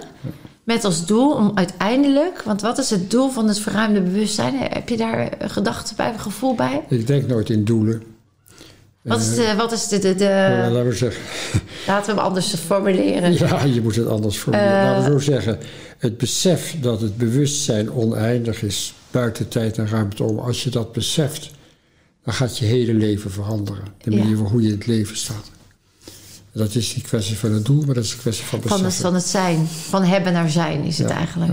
Hoe is dat, Pim? Want ik, ik, ik had een van de vragen was... heb je zelf een bijna doodervaring gehad? Of een Ik nabij zeg dood? altijd niet dat ik weet. Niet dat ik weet. Maar ik resoneer wel mee met mensen. Herken je het omdat je mee Ja, resoneert? Ja, dat, denk ik. Het zou kunnen. Het is niet in dit bewustzijn. Nooit ook een regressie opgedaan of een onderzoek naar... In mijn aura en in een horoscoop staat dat ik, dat ik twee jaar oud misschien een ervaring heb gehad, maar ik weet het niet. Nee, niet Daarom zeg bewust. ik, dan zeg ik niet dat ik weet. Nee. En toen mijn, mijn man, de, jullie hadden even voorgesprekje en Maurice die gaf aan van... nou, ik zou eigenlijk misschien wel in een regressie of in een sessie eens willen ontdekken... of ik daar nog weer, of ik dat verhaal zelf ook nog weer kan terughalen. En toen stelde je de vraag, ja, wat doet het ertoe? Ja, Want wat, als je het weet, wat dan? ja, doet er niks toe. Het verandert niks. Het gaat om wie je bent op dit moment en wat je doet met je inzicht, wat je hebt op dit moment. Maar zou het kunnen, Pim, dat eh, de mensen die dus wel bewust zich dat kunnen herinneren, die hebben allemaal hè, dat verhogere, verhogere intuïtieve bewustzijn, eh, zijn veel verbonden met de natuur, weten dat ze onderdeel van, van het geheel zijn, in acceptatie van de dood, leven niet meer in doodsangst en levensangst. Het bewust herinneren is niet de essentie van de transformatie. Dus als je onder de leeftijd van vijf een bijna doodervaring hebt gehad, herinner je bijna nooit die ervaring. Ja. Maar je hebt allemaal de transformatie. Het gaat om de transformatie. En ik denk dat Maurice het idee heeft dat als hij dat nog wel bewust herinnert... want ik denk dat hij het nu niet altijd zo ervaart. Ik denk dat hij het wel weet, maar dat hij het nog ook het aardse heel erg ervaart in die zin. Dus het... ehm, zou het kunnen dat als hij... eh, en dat is gewoon een, een hypothese hoor... dat als hij wel eh, nog een keer die beleving zou hebben... dat hij ziet, ah, maar het is echt oké of zo. Of het is echt... Laat hij zich maar eens beginnen met te verdiepen in bijna doodervaringen op zich. Ja, dus het lezen al, van mijn nu. boek, het lezen van hij, het, horen van, van de interviews, het zien van films. Eh, je hebt genoeg verhalen van mensen met een bijna doodervaring. Dan wordt er iets in hem Ja, getriggerd. dat is al gebeurd. Ja. En dan hoef je niet Ja. voor die ervaring terug te Dat is roepen. een goeie wat je Maar zegt. het zit er. Dat is echt goed. Want als je zegt als het resoneert, dan weet je ergens dat er een kern van, van waarheid zit. Dan heb je verder geen bewijs. Heb je eigenlijk heb je- geen bewijs. Stap uit dat driedimensionale Ja, hoor. stuk. Ja, hoor. Ja. Is het niet nodig. ja. Is het zo dat je helemaal in de flow van het leven bent dan, Pim? Zelf? Dat je helemaal? In de flow van het leven? Ik denk het wel. Maar ja, eh, Lekker elke dag is je weer één en eh, het komt dus het komt. elke dag is eh, even belangrijk. Leef het nu. Mooi. En lukt dat? Goed? Ja, Maak je niet druk? Eigenlijk niet. En als het gaat over dierbaren, want dat is ook iets wat ik vaak hoor bij mij in de events. Hè, de ja, aanvaarding van de vergankelijkheid, mooi, mooi, mooi. Maar wat als het je kind betreft? Of wat als het je kleinkind betreft? Of je vrouw? Of Dat je zijn partner? drama's. Maar het besef dat je weet dat met de dood het niet ophoudt, dat, is, dat maakt het toch anders. En, en nogmaals, eh 2 miljoen mensen in Nederland hebben postmortale ervaring. Hebben contact met bewustzijn van overleden dierbaren. Ja, Vaak komen die even terug om te vertellen: het is goed met mij, maak je geen zorgen. heel vaak. Hè? Ja. 2 miljoen mensen, en 125 miljoen mensen in Europa hebben die ervaring gehad, maar meestal zwijgen ze erover. Net zoals, net zoals ze zwijgen over een bijna doodervaring. Ja. Omdat er niet kan worden geluisterd. Hmm. Mensen zijn niet in staat om zonder oordeel en zonder commentaar te luisteren naar dit soort verhalen, want dat past niet in wat we hebben geleerd. Ja, ja ik, ik ben het helemaal met je eens en ik voel je ook helemaal. Eh, in die, ehm, ik had nog een vraag over de. Je geeft het heel. Verbinding is de les. We zijn allemaal verbonden. Hè? Dat is heel duidelijk de essentie van die BDE-ervaring. Eindeloos bewustzijn. Ja, hoe mooi is dat als we dat. Als we daarin worden. Weer even wakker worden gemaakt. Want ik noem het altijd het vergeten weten. Als het eenmaal langskomt en je zit nog in de weerstand. Ja, check even waar die weerstand vandaan komt. Daarachter ligt die.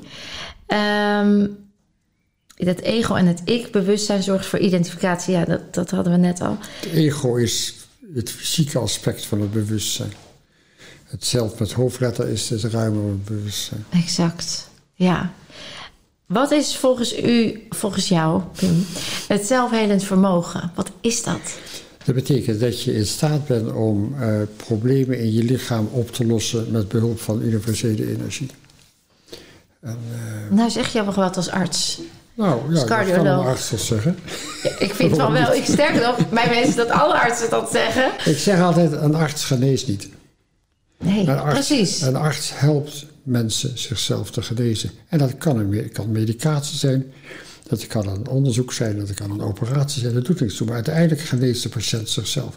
Maar een arts helpt daarbij. Faciliteert. Ja. Dus het Zo zelf... simpel ligt het.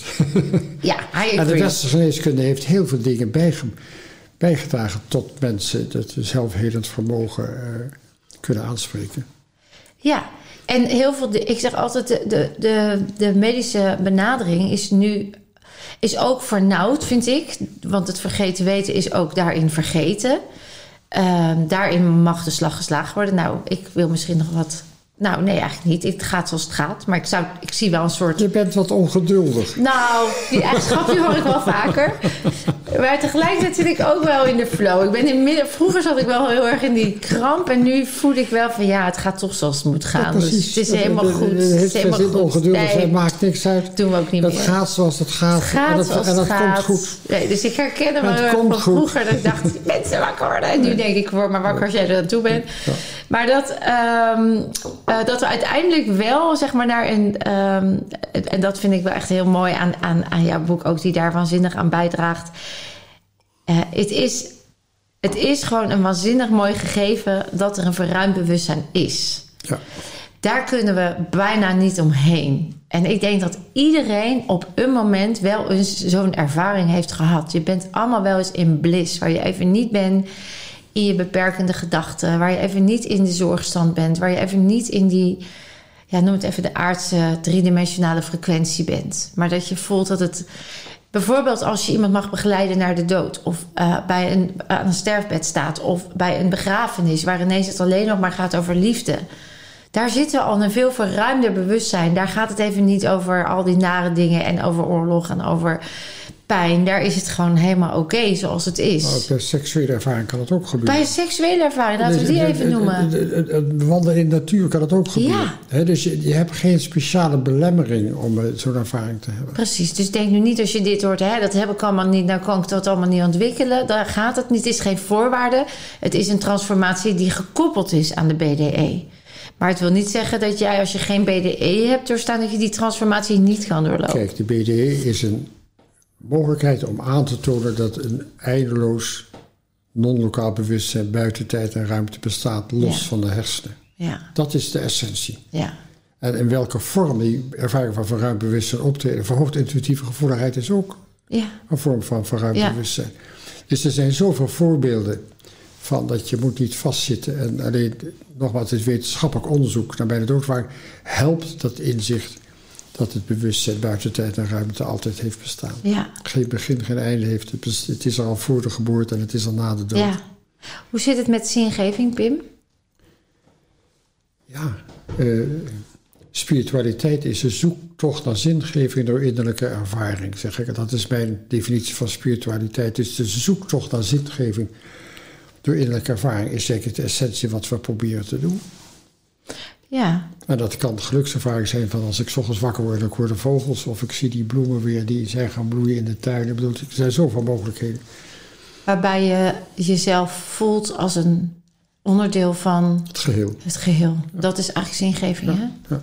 Ja, ik, moet, ik word altijd erg eh, blij van het verhaal van Victor Frankl in de, in de Een kampen. waanzinnig boek. Ja. Waanzinnig boek. Waarbij hij echt ook laat zien dat de mensen met zingeving... die dus ook... Maar dat geldt ook voor Etty Hillesum, dat boek. Welke is dat? Etty Hillesum, ken je dat boek niet? Nee, hoe heet dat? Hoe, vertel. Etty Hillesum. Etty Hillis. Etty dat is een, vrouw, een Joodse vrouw die in eh, Amsterdam een hele innerlijke weg ging. Ik heb het bij Giel Bede in mijn interview, heb ik het boek ook laten zien. Oh, dan heb ik die gemist. En eh Etty Hillesum ging dus helemaal naar binnen. En ondanks dat de uiterlijke wereld steeds meer bedreigend was, vond ze haar innerlijke rust in zichzelf en in God in hogere aspecten. En ze bleef mensen helpen ook. eh, naar het kamp ging ze om te helpen. Ze heeft altijd iedereen geholpen. Ze bleef de innerlijke zelf ontwikkelen, ondanks de uiterlijke wereld. Etty Hillesum, prachtig. Ik wil, er is net een biografie van haar ook uitgekomen. Oh, die ga ik dan even be- helemaal onderzoeken. Het leven van Etty Hillesum, een prachtig boek ook. Waarbij we dus eigenlijk weer zien dat het gaat over zijn... en niet over het materiële hebben. Ja, ja. Maar niet iedereen kan het zo prachtig verwoorden als, Als eh, zij. Hillesum. Het Maar is, Victor Frankl ook natuurlijk. Victor Frankl heeft daar ook een mooie bijdrage in geleverd. En er zijn nog wel heel veel meer van dat soort mooie verhalen. Dat mensen ondanks de omstandigheden nog die zingeving Ja. eh, pakken. En als je dat niet kan bevatten, als je denkt, ja, maar hoe kan je nou oprecht nog gelukkig zijn in een omstandigheid waarbij je iemand verliest, of waarbij je eh, in armoede leeft, of in. ehm, dan heb je dus daar wat te doen. Dat is eigenlijk de uitnodiging om hem dan juist aan te gaan. In plaats van te blijven zitten in dat stuk wat bevestigt hoe zwaar het is en dat het niet waar is. Dan be- beperk je eigenlijk jezelf. Ga maar proberen. Ga, nou, probeer, ik heb probeerastma, hè, Pim? Je doet het of je doet het niet. Nee, nee maar ik bedoel, ik heb het over de mensen. Ja, ja, de mensen Die ook. vastzitten ja. in, in mijn pijn en ik ben zielig met dit en met dat. ja, Ze moeten proberen eruit te komen. ja, nou ja. En er zijn zoveel mooie wegen. En het begint met detachen. Hè? Loskoppelen van alles waar je nu mee identificeert. Waarbij je nu denkt dat als ik dat heb, dan ben ik gelukkig. Al die voorwaardelijkheid, Ja. dat mag eruit. Ik zei ook, eh, ik weet niet of jij dat ook herkent, Pim. We zitten hier nou in jouw mooie, prachtige huis. Ehm, ik heb wel eens gezegd tegen mijn kinderen al heel jong: van het maakt me eigenlijk niet uit waar we wonen. Als we maar, hè, als we gewoon maar gelukkig zijn. En dan doet er niet toe. Maar dat geeft juist een heel veel vrijheid. En dan kun je, en dat is ook wel even mooi mee te geven aan mensen. Als je zo kan denken, dan zul je ook overvloed ervaren. Omdat die energie naar je toe komt als overvloed. Wij zijn dankbaar dat we hier mogen wonen. Maar ik was ook dankbaar toen ik een studentenkamertje had van 2 bij 3 meter. Exact. En dat waren, waren ook gelukkig. Dus het, het, eh, uiteindelijk maakt de ruimte niks uit. En dan- ik ben nee. dankbaar als er dingen gebeuren die mooi zijn. En in die dankbaarheid zul je overvloed ervaren. In die dankbaarheid zul je merken dat er geen tekorten zijn. Alleen dat jij jezelf tekort nog doet. En daar mag je dan naar kijken en die innerlijke reis in maken. En daar hebben we geen BDE voor nodig. Of zoals bij Maurice een, tra- een dramatisch ongeluk om bewustzijn te vergroten. Het helpt soms. Je kan het beter niet doen, zeg. Nee. Je weet niet hoe het afloopt. Het had ook slechter kunnen aflopen. Dat is dan een BDND. Een beter, nee, wat is het? Beter niet doen. BND. Beter niet doen is dan handiger dan een. BDE. In dit geval. Pim, ik heb nog. ehm, ik, heb nog ja, ik, vind, ik vind het zo ongelooflijk fijn en dankbaar dat we dit gesprek hebben. Ehm, we hebben het al gehad over organen, we hebben het al gehad over het zelfgeheugen, over zelfhelend vermogen, over het eindeloze bewustzijn.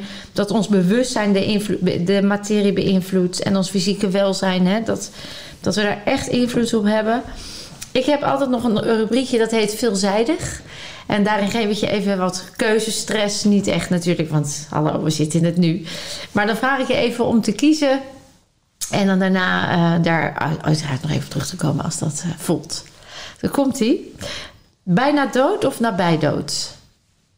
Ik denk dat nabij de dood een betere terminologie is. Ja. Omdat je niet bijna dood kan zijn. En dat is ook een hoop misbruik van mensen. Hoe kan je nou bijna dood zijn, weet je wel? Dus dat is ook voor de sceptici, is nabij de dood beter. Bestaan er dan ook terminale patiënten? Ja, natuurlijk bestaan er terminale patiënten. Want? Ja, mensen die tegen het sterven aan liggen. Kunnen dus ook een verruimd bewustzijn. Dat noemen we dan sterfvisioenen of levenseindervaringen. Waarbij je ook toegang hebt tot je verruimd bewustzijn. Ook je overleden partner of overleden ouders of overleden kinderen ziet die je komen verwelkomen. Licht ziet, een landschap ziet, liefde voelt. Uh, dus dan zit je. Het verschil is met een bijna doodervaring dat je vaak in de twee dimensies tegelijkertijd zit. Dus je kan praten vanuit je waakbewustzijn wat je meemaakt. Dus je Ja. zit tegelijkertijd in beide dimensies. Terwijl bij, bij de doodervaring met hartstilstand ben je bewusteloos en later vertel je erover. Ja. Maar je hebt dus meer eh, ook terminale helderheid. Dat mensen in het eindstadium van Alzheimer niemand, al jaren niemand meer herkennen, vaak niet aanspreekbaar zijn en voorkomen liggen. Opeens helder wakker worden, gaan zitten, iedereen bij naam noemen, bedanken en sterven. Dat kan niet als je weet hoe die hersenen eraan toe zijn in terminale Alzheimer. Dat is een beetje prut wat er nog zit. Dus het bewustzijn kan nooit worden beschadigd, alleen het instrument. Dat vind ik ook weer zo mooi quote. Het bewustzijn kan nooit worden beschadigd, alleen het instrument. En daar heb je weer invloed op. Met het verruimbewustzijn. Maar ik bedoel mijn vraag ook eigenlijk anders. Als het oneindig is, Ja. zijn er dan dus terminale patiënten? Jawel, omdat ze hun lichaam aan het aflopen is. Dus dan is terminaal gekoppeld aan een fysieke eh, gewaarwording. En niet zozeer aan het, aan het oneindige bewustzijn wat we ook in ons hebben. Terminale patiënten zijn patiënten die aan het einde zijn van hun fysieke werkelijkheid. Ja, dan, als je het zo definieert, dan, dan is er een Zo terminaal... definieer ik het. Precies, dan is er een... eh, want er is eigenlijk dan ook geen dood. Want er is, geen, er is, er is oneindigheid. Alleen in dit fysieke Ik noem bestaan... het altijd, er is een continuïteit van het bewustzijn. En het fysiek is eindig. Ja, precies. Je hebt een lichaam Ja, en je bent bewustzijn. ja dus hoe lekker is dat dat je dat je realiseert. En dan kan het zijn dat je zo attached bent aan dat fysieke hier... dat je denkt, ja, dat is dan allemaal wel leuk dat het oneindig is... maar ik wil op deze manier oneindig zijn. Dan krijgen we natuurlijk die fase nog. Dat mensen zeggen, ja, maar ik, hartstikke lekker hoor... dat ik dan weet dat ik oneindig ben... maar ik weet er daar toch niks meer van. Ze weten nog veel meer dan dat ze nu beseffen. Mensen, luister goed, hè. Wijze lessen komen hier binnen. Komen we dood of levend? Wat zeg je? Dood of levend? Hoe bedoel je? Ja, Eh, keuzestress. Dood of oh, Ik levend? heb geen keuzestress ervan. ik kies voor levend zoals ik hier nu belangrijk ben. En, eh, maar dat is mooi genoeg. Zo is het. Arts of multidimensionaal? Ik denk multidimensionaal, maar dat sluit aards niet uit. Toch een beetje keuzestress, hè? Toch, Nee, eh, ik heb volstrekt geen nee, dat is een grapje. Maar echt kiezen, dat eh, komt Dat hier. hoeft, nee, maar, het- Nee, maar ik doe even driedimensionaal met jou. Dat ja, ik maar dat leuk. doet niet altijd aan mee. Heel goed. Spiritueel of down to earth? Ik denk dat spiritueel belangrijker is. Gelukkig. Maar down to earth blijft ook belangrijk. Ja, het is natuurlijk allebei. Ik geef natuurlijk ook keuzes. Geaard zijn Precies. is belangrijk. Hoe spiritueel je ook bent, als je te veel gaat zweven, is niet goed. Ligt eens toe, Pim? Nou, want dan ben je niet meer geaard. Dan heb je niet meer je praktische aspecten in je leven ook. Dus Ja. je, moet ook down to earth zijn. Nou, Het probleem met mensen met bij de doodervaring is soms dat ze Ja. te weinig geaard zijn. Nou, dat wou ik net zeggen. Ik heb een hele goede kennis van mij. Die jaren geleden al, toen ik nog op school werkte als juf. Dat was een vader van een kindje en die had vijf kinderen. Echt een prachtige man. En liefdevol met zijn kinderen had en dedicated. En die heeft een knieoperatie ondergaan. En in die narcose is hij gebleven. Dus hij kwam niet uit die narcose. Hij wilde er ook niet uit en hij kwam er niet uit. Dat is ongebruikelijk. Ja, en die meneer is dus uiteindelijk wel weer teruggekomen. En die heeft dus een waanzinnig heftige bijna doodervaring gehad. En hij zegt, ik, mijn leven trok aan me voorbij. Eh, hij, hij zegt, ik zag, hij, zag, hij zag ze bezig met hem om hem terug te halen. En, Terwijl ze bezig, eh, meestal een, een, een lokale anesthesie doen, een lumbaalpunctie en niet Ja. de algemene hij anesthesie. heeft, omdat hij bang was voor de operatie, daarom kreeg je algemene kreeg hij algemene narcose. Oké. En toen is hij dus erin gebleven. En hij zag dus dat ze helemaal in paniek waren. En hij dacht alleen maar, nou, ik vind het alleen maar prima hier. Maar hij is dus wel teruggekomen. En hij had echt, als je weet hoe dedicated hij was met zijn kinderen... had hij alles er- om ervoor te gaan vanuit bewustzijn wat we hier hebben. Hè? Dus hij zei, ja, maar hij is teruggekomen. Hij is gewoon in de, een ziektewet geraakt. Want hij kon niet meer functioneren. Hij was zwaar in een depressie. Hij verlangde maar één ding en dat was terug Maar dat is de bekende transformatie. Ik zeg altijd, bij de doodervaring is een spiritueel trauma. Absoluut. Het is een- echt een trauma met jarenlang depressie, heimwee en eenzaamheid. Tot je de woorden aan kan geven iemand die kan luisteren. Eh, of dat je een programma hoort op de televisie of een boek leest. Dan zie je, ik ben niet gek, ik ben niet de enige, het heeft een naam. Ja, je En dan kan je maar aan de gang gaan met accepteren. Ja. En dat is een proces van 10 tot 20 jaar. En dan ga je het integreren, dan ga je leven naar je inzichten die je uiteindelijk hebt verworven.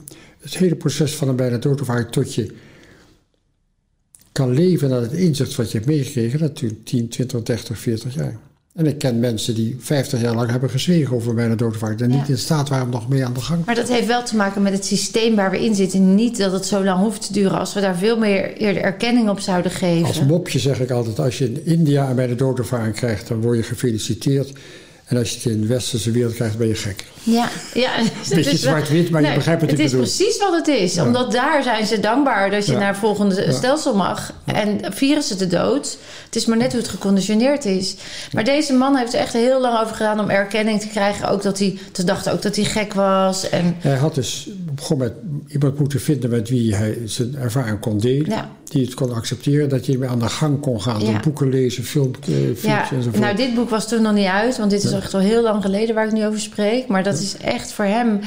Ja, en, en toen, ik vroeg ook van, maar je kinderen dan, hè? Want ik kon me dat bijna niet voorstellen... dat je dan niet verlangde eh, als aartsmoeder. En, dat je, en toen zei hij ook, ik, het, was, het, het maakte me helemaal niet uit. Ik ken vrouwen die dus eh, een doodervaring hadden met een gecompenseerde bevalling met bloedverlies. En ze zeiden, ik had net een baby gekregen. ja, Maar ik ja dacht dat daar staat ook helemaal in je boek. Ja. Het was helemaal, ik, ik was daar. Ik hoefde helemaal niet terug te komen. ja, Dus, eh, maar er zijn ook vrouwen die terugkomen omdat ze een baby hebben gekregen. Of Ja. dat ze terugkomen omdat ze nog voor een oude moeder moeten zorgen. Dus ja. het, het er zijn kan zoveel, ja. Kan beide. We gaan nog even door. Eh, Kwantumfysica of fysica? Nee, kwantumfysica is een goed voorbeeld van... eh, eh, als je ook het begrip van non-lokaliteit van het bewuste wil begrijpen... buiten tijd en ruimte en alles is altijd met elkaar verbonden... dan is het in analogie met wat we weten van kwantumfysica. Het is geen verklaringsmodel, maar het is een analogie. Mooi. Maar gezegd. Ehm, gelukkig of gezond? Je laat me twee keuzes maken. Je kan ook gelukkig zijn als je niet gezond bent. Dus eh, Ja, daar hadden we het net over, toch? Ja. Zelfrealisatie of zelfliefde? ik denk dat zelfliefde haast nog belangrijker is. Dus het accepteren van wie je bent en wat je bent. Dan ontstaat die zelfrealisatie, ja. Doen of zijn? Zijn. Zweethut of ijsbad? Geen van beide. Dat is toch echt wel lekker hoor, zweethutje. Nog nooit gedaan? Geen behoefte. Ik ga niet in sauna's, ik ga niet in ijsbaden zitten. Maar is dat eh, weerstand of is nee, dat... eh, geen behoefte gewoon. nee, geen behoefte. Geen behoefte aan... Geen behoefte. Nee, ook zijn niet. ik hoef niet alles mee te maken wat mogelijk is. Ik ga ook niet bumpy jumpen. Ik ga ook, parachute, dat hoef ik allemaal niet. Nee, waarom zou je ook? Ja, daarom. daarom. Zelfbewustzijn of ego? Zelfbewustzijn. Ja. Naïef of onbevangen? Onbevangen. Geloven of zien? Dat is een lastige, want dan vraag ik me hmm. af wat je met zien bedoelt. Wat, wat associeer je zelf? Ja, eh, zien bedoel, bedoel ik niet het fysieke zien, maar bedoel ik hmm, eerder waarnemen. Dus, eh, dan waarnemen waarschijnlijk. Ja. ja.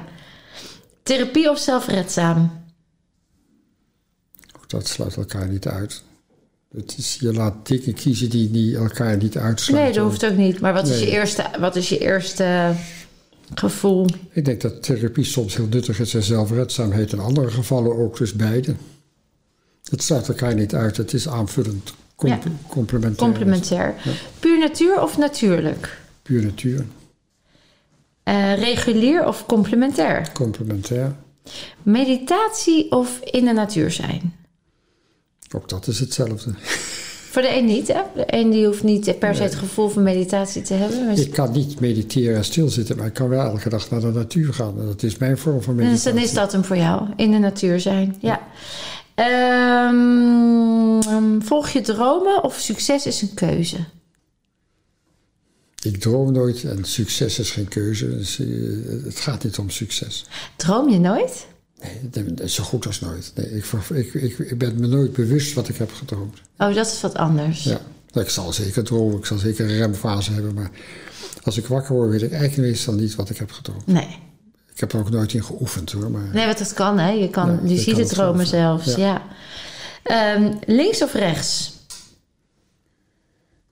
Ik ben linkshandig geboren en ik heb rechts leren schrijven en dan ben ik tweehandig. Ik doe zowel dingen links als rechts. Dat heb ik ook. En mijn vader heeft dat ook. Ja. Want dat werd toen nog op school, moest je verplicht rechts schrijven. Ik ik kwam nog net, ja, mijn vader ook. En ik nog net. Nog net had ik. eh, ik ben inmiddels wel meer rechtshandig dan linkshandig. Dus- dus- Ik doe dingen rechts en links. En schrijven? Dat doe ik rechts en het is onleesbaar, maar ik doe het rechts. Ja. Kun je links schrijven? Nee, ik heb het nooit geprobeerd. Nee. Bijzonder. Aangeleerd of aangeboren? Ja, dat zijn ook twee dingen die elkaar niet uitsluiten. We hebben het allebei, maar wat, Ja. is, eh, wat, is, wat is het eerste wat opkomt? Weet je, ook dingen die aangeboren zijn, ben je lang niet altijd bewust. Dan moet je toch leren. Zijn ooit aangeleerd, zou je kunnen zeggen. Ja, dus, eh, Ja. dus eh, Ergens ooit aangeleerd. Ja. Dat, mits je, als je in het oneindige eh, stuk zit, dan is het altijd aangeleerd natuurlijk. Ja. Het leven is een keuze of het leven kiest jou. ook dat is lastig. Het is ook beide kanten heeft het. eh, het leven kiest jou of jij kiest het leven. Ik denk dat in principe de vorm waar- waarin we leven een keuze is van onszelf. Aan de ene kant, aan de andere kant. Dan staat er geen vrije wil op het hoogste niveau. Wauw, dan zeg je even zoiets. Dan komt ook... Kijk, de- want de toekomst is ook zichtbaar voor mensen. Dat betekent dat dingen die ook vast liggen. Mensen die tegen bij de dood of horen, je moet terug, want je gaat nog trouwen, je krijgt nog een zoon. Ik kreeg net weer een e-mail van zo'n verhaal. En je werd trouwde later en kreeg een zoon. En dat, dus de overleden moeder zei, eh, je moet terug, want... Dus ik vind dat zo waanzinnig gaaf. En ik, Ja. Dus dat is dat non-lokaliteit. Ja. Dus, is, eh, geen tijd en afstand, alles is er al. Maar op aarde kan je met de vrije wil elke foute beslissing nemen die je wil. Maar uiteindelijk kom je wel uit wat de bedoeling is. Ja, dus is die, is die keuze ook weer de bedoeling. De vrije wil is er. Ja, Je ik vind dat ook een heerlijke gedachte hoor. Een heerlijk gegeven. Elk doodweggetje mag je inslaan, maar je Ja. komt uiteindelijk uit bij je Ja. punt waar je moest zijn. Ja, we zitten, de, keyword is toch acceptatie. Dat je gewoon dan met elke keuze die je maakt, dat je het gewoon, dat je hem oont. Dat je verantwoordelijkheid neemt voor dat, omdat je weet, ja, het is toch de bedoeling. Je leert van elke keuze, Je ook als die fout ja, is. ook als, ja, en er is dus ook geen foute keuze. Die, die toch even nog over die vrouw, want ehm, ik kan me ook voorstellen dat als ik jou hoor praten, Pim, dan ben je zo al eh, in de werkelijkheid van het oneindige. Daar heb je zoveel bewijzen ook voor. Hè? Is los van het bewijs, je voelt hem ook. Ehm, Het is een innerlijk weten. het is echt een innerlijk weten. Dus ik voel me ook helemaal met je mee. Ik kan me ook voorstellen dat er mensen zijn die zeggen... ja, maar het kan ook self-fulfilling prophecy zijn.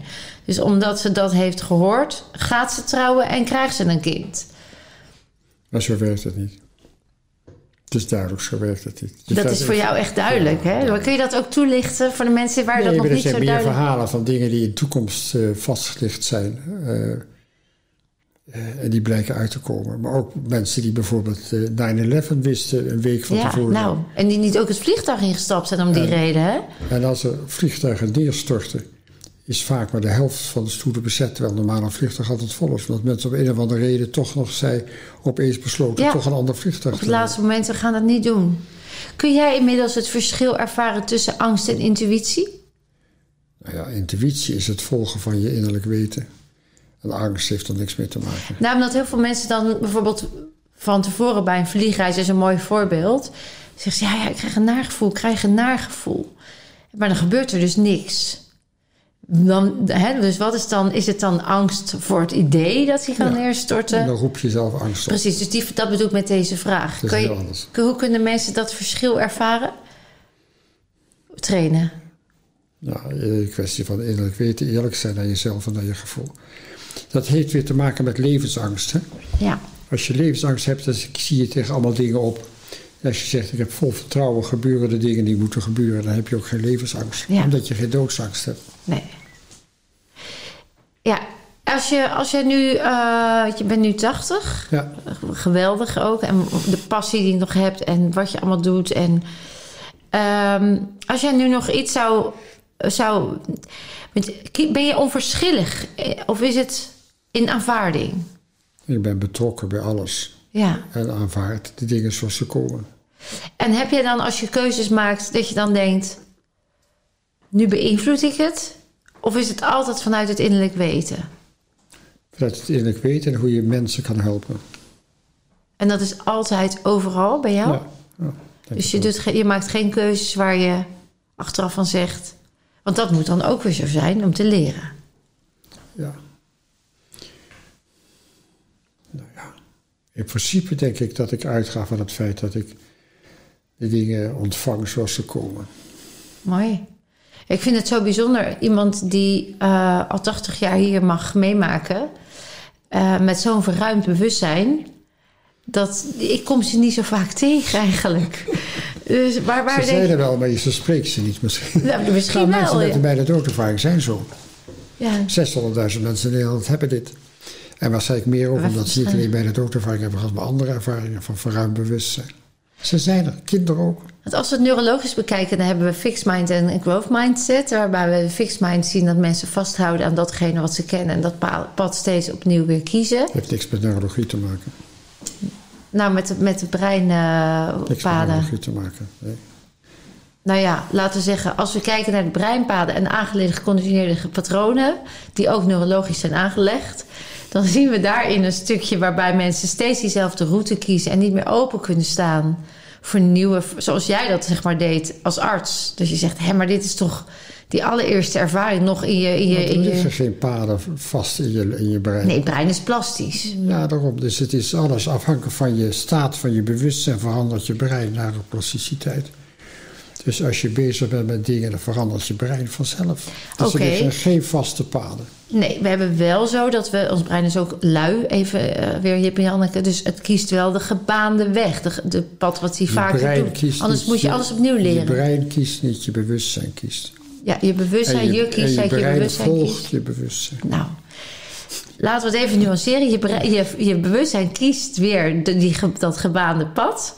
En eh, daarmee fiets je nog steeds op die manier. is ook handig, hoef je niet alles opnieuw te leren.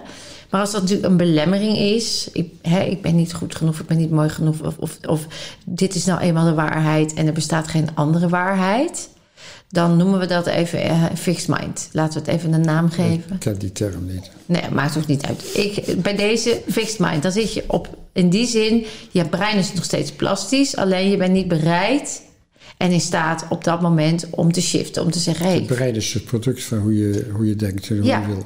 Dus hoe meer we onze, eh, ja, ik noem het toch wel even weer de vastgelegde paden of, of, of resonanties als observant weer kunnen bekijken, hoe meer we weer kunnen verruimen in ons bewustzijn.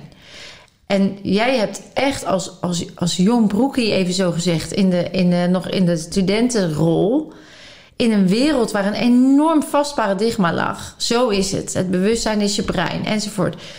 Heb jij toch het lef gehad, of het weten gevolgd, Nieuwsgierigheid. ja, of het innerlijk weten? Ja, eh, Want dat moest dan jouw lotsbepaling of lotsbestemming dat zijn. was nieuwsgierigheid. Nou, waar komt nieuwsgierigheid vandaan? Dat is het willen begrijpen. Terwijl je nu zegt, ik hoef eigenlijk niks meer te begrijpen. Ik hoef het ook niet te verklaren. Nee, maar je wil wel dingen begrijpen. Dat is wat anders dan verklaren. Begrijpen is echt hoe dingen in elkaar zitten. Als we het hebben over eindeloos bewustzijn. Ik heb uiteindelijk begrepen dat het gaat om eindeloos bewustzijn. Buiten tijd en ruimte. Ja, zo bedoel je het. Ik heb Het werd me niet aangeboden. Moest Ja. ik zelf gaan zoeken. Ja, ja, ja. Ik vind dat echt onwijs interessant. En eh, zeg jij dus nu ook dat een ieder die nog niet dat, eh, dat verruimde bewustzijn omarmt... Nee, dat zeggen we eigenlijk ook. Dat is dan ook nog wat het is. Het begint met bewustzijn. Bewustzijn is fundamenteel in het universum. Samen met energie en informatie. Ja, Alles komt voort uit bewustzijn. Het universum, de aarde, de sterren, eh, de, de, de natuur, de dieren, de planten, de mensen. Je lichaam, hoe het is gevormd, is een gevolg van de staat van je eigen bewustzijn. ja, Of je ziek bent of niet, een gevolg van de staat van je eigen bewustzijn. Dat is een inzicht. Eh, alles, alles heeft dus een vorm van subjectiviteit. ja, Alles. ja. Maar als het, als het, toch al lot, als het lot toch al vast ligt, hè, dan... eh, Ik denk dat je. Ik weet ook het woord lot, vind ik ook. ja, vind ik ook altijd een beetje Nee, dubieus. Ik gebruik niet het lot. Het Nee, als het, als het, als het al, het pad het is, al het is je keuze geweest voordat je werd Precies, je geboren. zielskeuze, Ja. je zielsbestemming. Ja. Als die al vast ligt. We zeggen dus nu niet, hè, Pim, ga maar achteroverleunen, wachten wat je zielsbestemming met je van plan is. Maar word bewust. Je weet niet wat je zielsbestemming is. Nee. Nou ja, ik ken mensen die dat wel weten. Die weten ook hoe oud ze gaan worden. Ja, maar dan ben je in rechtstreeks contact met je hoger verruimde Exact. bewustzijn. Ja. Dus die is er wel. Dus als laatste, ehm, lieve Pim, want we hebben prachtige, prachtige inzichten van je meegekregen. En als je dit hoort of luistert en of kijkt, dan is dat ook een onderdeel van jouw zielsbestemming. Hè? Want dat is dan ook weer niet voor niks. En als het resoneert helemaal. Als je nog iets zou mogen meegeven aan de kijker en of luisteraar, misschien is die camera mooi. Wat zou je dan nog willen meegeven? Dat we moeten beseffen dat alles met elkaar samenhangt. Dat je je eigen bewustzijn, de staat van bewustzijn kan veranderen en daarmee de wereld kan veranderen. Zoals we de wereld ervaren is een subjectieve werkelijkheid. Die wordt bepaald door je eigen staat van bewustzijn. En als je staat van bewustzijn weet te veranderen, dan verandert de wereld en dan gaan we anders om met elkaar, omdat we met elkaar samenhangen. Je gaat anders om met de natuur en met de bedreigde aarde. Als aanvulling op de verandering van je staat van bewustzijn wil ik nog benadrukken dat het gaat om onvoorwaardelijke liefde, compassie en empathie naar jezelf. Dus ook naar je negatieve, je eigen schaduwkanten die we allemaal hebben. En door die liefde naar jezelf ben je ook in staat om liefde en compassie te voelen naar de anderen, naar de aarde en naar de natuur. Omdat we altijd met elkaar samenhangen. Dus start met jezelf en de rest volgt. Ja, niks meer aan toe te voegen. Heel erg bedankt, Pim, voor dit mooie diepgaande gesprek. En ja, lieve kijkers en of luisteraars, ik hoop dat je weer net zo geïnspireerd bent als ik.